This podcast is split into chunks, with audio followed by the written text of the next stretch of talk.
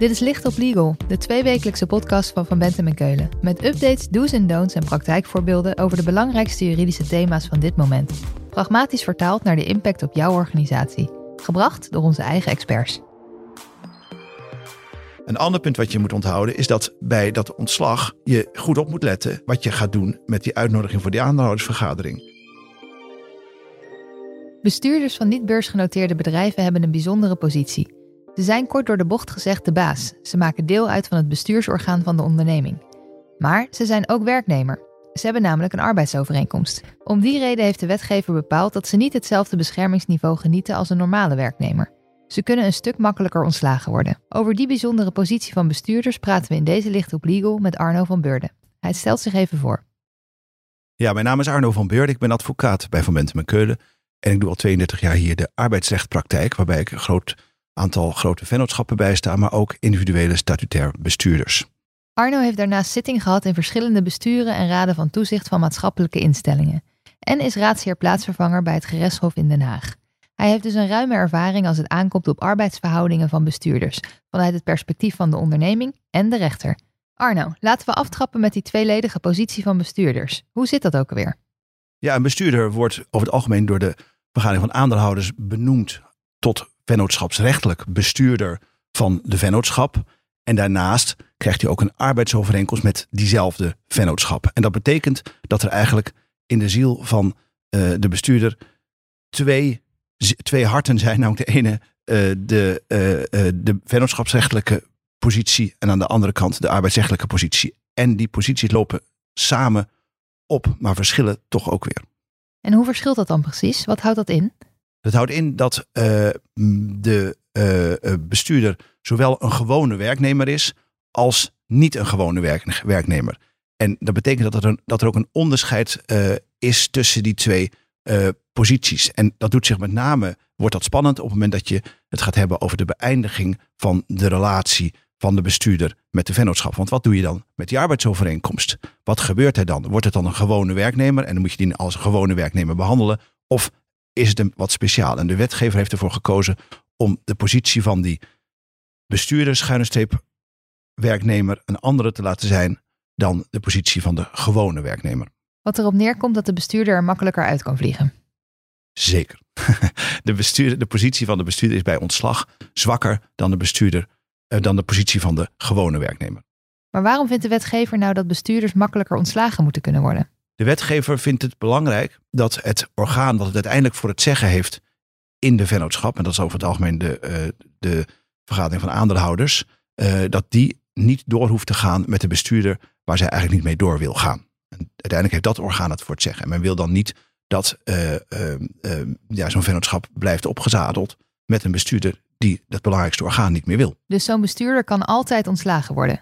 Is altijd ook echt altijd? Nou, er zitten wel wat beperkingen aan. Er moet wel iets van een verhaal zijn, om even zo te zeggen. Vroeger ging men uit van de gedachte: hoge bomen vangen nou eenmaal veel wind. En werd er weinig, werden er weinig eisen gesteld aan uh, de, uh, de argumenten die naar voren werden gebracht voor het ontslag. Nu is dat wel iets anders. Het moet wel vallen in een van de voorgeschreven uh, mogelijkheden, namelijk dysfunctioneren, vertrouwensbreuk. Meestal zal het over het laatste gaan. een van die gronden.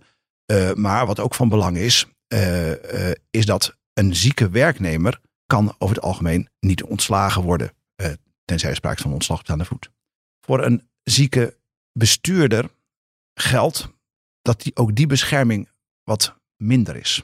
En dat betekent eigenlijk dat op het moment dat de bestuurder de uitnodiging voor de aandeelhoudersvergadering in handen krijgt en hij niet ziek is, het ontslag gewoon doorgang kan vinden, ook al wordt hij na het moment waarop hij de uitnodiging voor de aandeelhoudersvergadering heeft ontvangen alsnog ziek.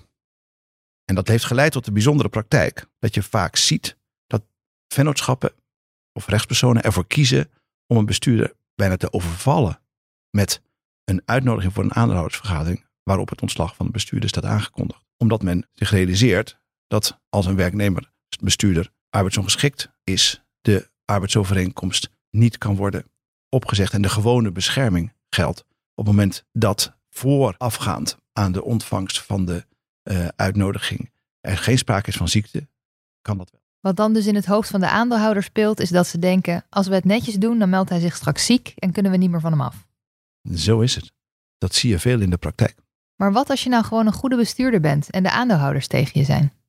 Ja, als de, de grond echt uh, ja, eigenlijk het besluit niet kan dragen, dan kun je niet zeggen: ik wil terug als bestuurder. Dat kun je niet zeggen. Maar je kunt, je kunt, je kunt wel zeggen, maar je krijgt het niet toegewezen, omdat die mogelijkheid bestaat niet. Je kunt niet tegen de, de wens van de aandeelhouders kan er niet een bestuurder uh, terug worden geplaatst door de rechter. Maar wat wel kan, is dat je tegen de rechter zegt: van ja, maar dit is allemaal zo schandalig. Uh, ik heb recht op een zogenaamde billijke vergoeding om de schade die ik heb hierdoor te te compenseren. Maar daar moet je wel echt een goed verhaal voor hebben. Het is, dan moet er echt wel iets meer aan de hand zijn dan een gewoon besluit wat op zichzelf al een redelijk argument, waar er al een redelijk argument onder, uh, onder zit. Maar als je nou zo'n tweeledige positie hebt van bestuurder en werknemer, kan het dan niet zo zijn dat je wel uit je functie van bestuurder wordt gezet, maar niet je arbeidscontract verliest? Nee, dat loopt samen. Dus op zich, op het moment dat er een besluit wordt genomen om jou als bestuurder, die ook werknemer is, te ontslaan, dan mag vervolgens de uh, werkgever of de, mag dan ook de, de arbeidsovereenkomst opzeggen met inachtnemen van de opzegtermijn. En vervolgens moet er dan de transitievergoeding worden betaald. En dan eindigt daarmee de, arbeids, uh, de arbeidsovereenkomst. Als de werknemer het daar niet mee eens is, dus de werknemer slash statutair bestuurder het daar niet mee eens is, dan kan die vervolgens naar de rechter gaan en vragen om een billijke vergoeding. Maar hij staat al buiten. Dus dan word je ontslagen. En dan ben je het er niet mee eens. Dan kun je dus een billijke vergoeding vragen. Hoe werkt dat? Ja, die ontslagvergoeding de, de, voor de werknemer, schuine bestuurder, geldt ook uh, de gewone transitievergoeding. Uh, het moment dat de werkgever het echt niet netjes heeft gedaan, dan heeft de werknemer de mogelijkheid om die billijke vergoeding te vragen. Nou, de transitievergoeding staat, ongeveer, die staat in de wet, die is vast. Hè, is ongeveer een derde per, uh, per per dienstjaar. die billijke vergoeding, daar is heel veel jurisprudentie over. En dat is nog niet helemaal duidelijk wat nou uiteindelijk in ieder individueel geval een billijke vergoeding zal zijn. Dat valt niet goed te voorspellen. Uh, en dat maakt dus dat daar wel vaak onderhandelingsruimte zou kunnen zijn om te zeggen, uh, hey, we moeten met elkaar rond de tafel gaan zitten om te kijken of we daar nog een, een oplossing voor kunnen vinden om te zorgen dat we niet in procedures hierover belanden. Daar zie je wel vaak een, een, een, een onderhandeling gaan, over gaan ontstaan. Over wat nou redelijk is om naast die transitievergoeding te betalen. Dan neem je het dus weer uit handen van de rechter en stel je daar een vaststellingsovereenkomst over op. Zo gaat het meestal. Uiteindelijk vertaalt het zich over het algemeen in een vaststellingsovereenkomst. Waarin dan uh, ja, een bedrag wordt overeengekomen om uh, uh, met elkaar tot een oplossing te komen. Maar kan dat dan ook betekenen dat bedrijven besluiten meer te betalen dan een billijke vergoeding? Zeker, de, de, in het algemeen is de, is de vennootschap vrij om uit te keren wat, wat men wil. Uh, en uh, ja, dus dan zie je daar, daar, vaak aanzienlijke vergoedingen bij komen, omdat men allerlei reden heeft om dat met elkaar overeen te komen. Uh, daar zitten natuurlijk wel grenzen aan. als het gaat om een vennootschap in de publieke sector, dan loop je tegen de zogenaamde wet normering topinkomens aan. En dan wordt het wel even spannend. Dus alles wat in de publieke sector of in de semi-publieke sector zit en wat onder het WNT-regime valt, dat zijn de spannende onderhandelingen. Omdat daar uh, ja, gewoon uh, caps zijn opgenomen in de wet. En die zijn echt heel erg streng. En als je daar als vennootschap of rechtspersoon doorheen schiet en je bestuurder meer geeft dan de wet toestaat, dan komen ze uiteindelijk gewoon bij de vennootschap en uiteindelijk bij de bestuurders komt de minister het halen. Dus dat, is wel heel, dat zijn spannende onderhandelingen. Dus zolang je in de private sector zit, dan is er geen grens dan is er ook wel een grens. Want je hebt ook nog een wet, dat, uh, dat is de wet op de excessieve beloningen. Maar daar praat je pas over als je het hebt over jaarsalarissen die richting de 6 ton gaan. Zeg maar 5,5 ton tot 6 ton. Uh, als, je dat, als dat aan de orde is, dan uh, heb je kans dat er een forse belastingheffing nog extra komt bovenop die vergoeding die je dan gaat uitkeren. Ook daarvoor geldt, als je het over dat soort salaris hebt, dan moet je er even goed naar gaan kijken. Want dan moet je echt een rekenformule op loslaten om te kijken van hey, komen wij bij die excessieve belastingheffing uh, terecht.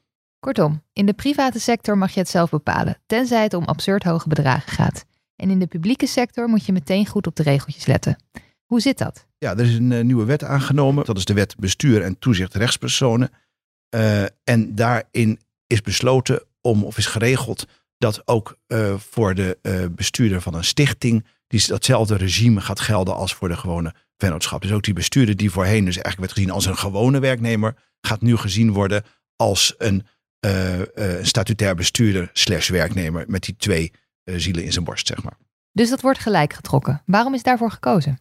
Ja, omdat men wil een soort professionaliseringsslag maken en vindt ook dat ook daarvoor moet gelden dat, uh, uh, dat de, ja, hetzelfde regime als eigenlijk bij de, bij de, uh, bij de vennootschappen. En dat, ik vind het ook wel begrijpelijk, want het was al best gek. Want je hebt natuurlijk stichtingen waar dezelfde activiteiten in plaatsvinden als in vennootschap. Omdat er ooit eens een keer een keuze is gemaakt voor een stichting in plaats van voor een vennootschap. En dan is het toch gek dat die bestuurder van die stichting een hele andere positie heeft dan de bestuurder in de vennootschap. Precies. De stichting voelt soms als iets gezelligs dat je met vijf man als wijkvereniging omzet. Maar er zijn natuurlijk ook stichtingen waar miljoenen in omgaan. Ja, waar enorm ziekenhuizen en alles in zitten. En daar, waarom zou daar een ander regime voor gelden? Duidelijk. En met deze verandering wordt de behandeling van bestuurders van stichtingen gelijk getrokken met de praktijk van private ondernemingen. Wat moet ik hier als bedrijfsjurist nou echt van onthouden? Nou, twee dingen. Uh, dat is een punt echt van niet besproken, maar wat ik wel even aan de bedrijfsjuristen willen meegeven. Uh, wat je nog wel eens ziet is dat er een uh, statutair of er een werknemer is in een organisatie en die wordt dan, die maakt een carrière in de organisatie. En uiteindelijk zit hij dan onder de laag van de statutair bestuurders en wordt die werknemer hem of haar gevraagd van goh, wil je statutair bestuurder worden? onthoud dan dat het volkomen gebruikelijk is en ook heel invoelbaar is dat zo'n werknemer zegt, ja dat is prima, maar ik ga een stuk van mijn, van mijn ja, bescherming ga ik prijsgeven, dus mag ik daar even een compensatie voor hebben. En die compensatie vraagt me dan of in de vorm van een fors hoger salaris of een hoger salaris, of men vraagt die compensatie in de vorm van een regeling die van tevoren al wordt overeengekomen voor het geval die arbeidsovereenkomst wordt beëindigd. Dat is niet gek, dat is een hele normale onderhandeling en sterker nog, als een uh, werknemer bij mij komt die zegt: Joh, ze vragen mij statutair bestuurder te worden, statutair bestuurder te worden, dan adviseer je dat ook om dat uit te onderhandelen. Uh, dus dat is even punt 1 wat je, wat je moet onthouden. Door die verzwakking van de, uh, van, de, van de bescherming zal een werknemer daar iets aan willen doen. Nou, een ander punt wat je moet onthouden is dat bij dat ontslag je goed op moet letten wat je gaat doen met die uitnodiging voor die aandeelhoudersvergadering. En dat is wel iets wat je ook goed met elkaar intern moet bespreken. Want vind je het wel prettig en vind je het wel gepast om iemand te overvallen met zoiets? Ja, hoe zit je daarin en wat is de inschatting die je maakt over de kans dat iemand zou, arbeidsongeschikt zou kunnen worden nadat je een uitnodiging van de aanhouders, voor, op het moment dat hij hoort dat er een eh, uitnodiging aan zit te komen, maar nog niet overhandigd is.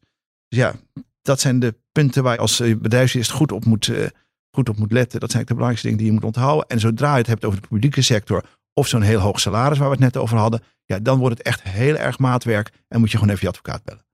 En als bestuurder zelf, zijn er nog dingen waar je op moet letten? Nou, eigenlijk, eigenlijk de, precies de, de situaties, de, de spiegelsituaties als die ik hier beschrijf. Als je wordt gevraagd om statutair bestuurder te worden, zou ik zeggen, hartstikke mooi, maar uh, oké, hoe gaan we die uh, mindere bescherming compenseren? En op het moment dat er aan de, aan de stoelpoten wordt gezaagd, ja, let even op wat er, uh, wat er gaat gebeuren. En dat, dat zijn even de belangrijke dingen. Arno, dankjewel. Als we meer willen weten, waar kunnen we dan terecht? Je kunt me altijd mailen op arnovanbeurden.vbk.nl en je kunt me altijd even bellen. Dit was Licht op Legal, een podcast van Van Bentem en Keulen. Te beluisteren via Spotify, Apple Podcast of je eigen favoriete podcast-app. Wil je meer weten? Heb je suggesties voor een onderwerp? Of wil je dat onze experts hun licht laten schijnen op jouw juridisch vraagstuk? Laat het ons weten via vbk.nl slash lichtoplegal.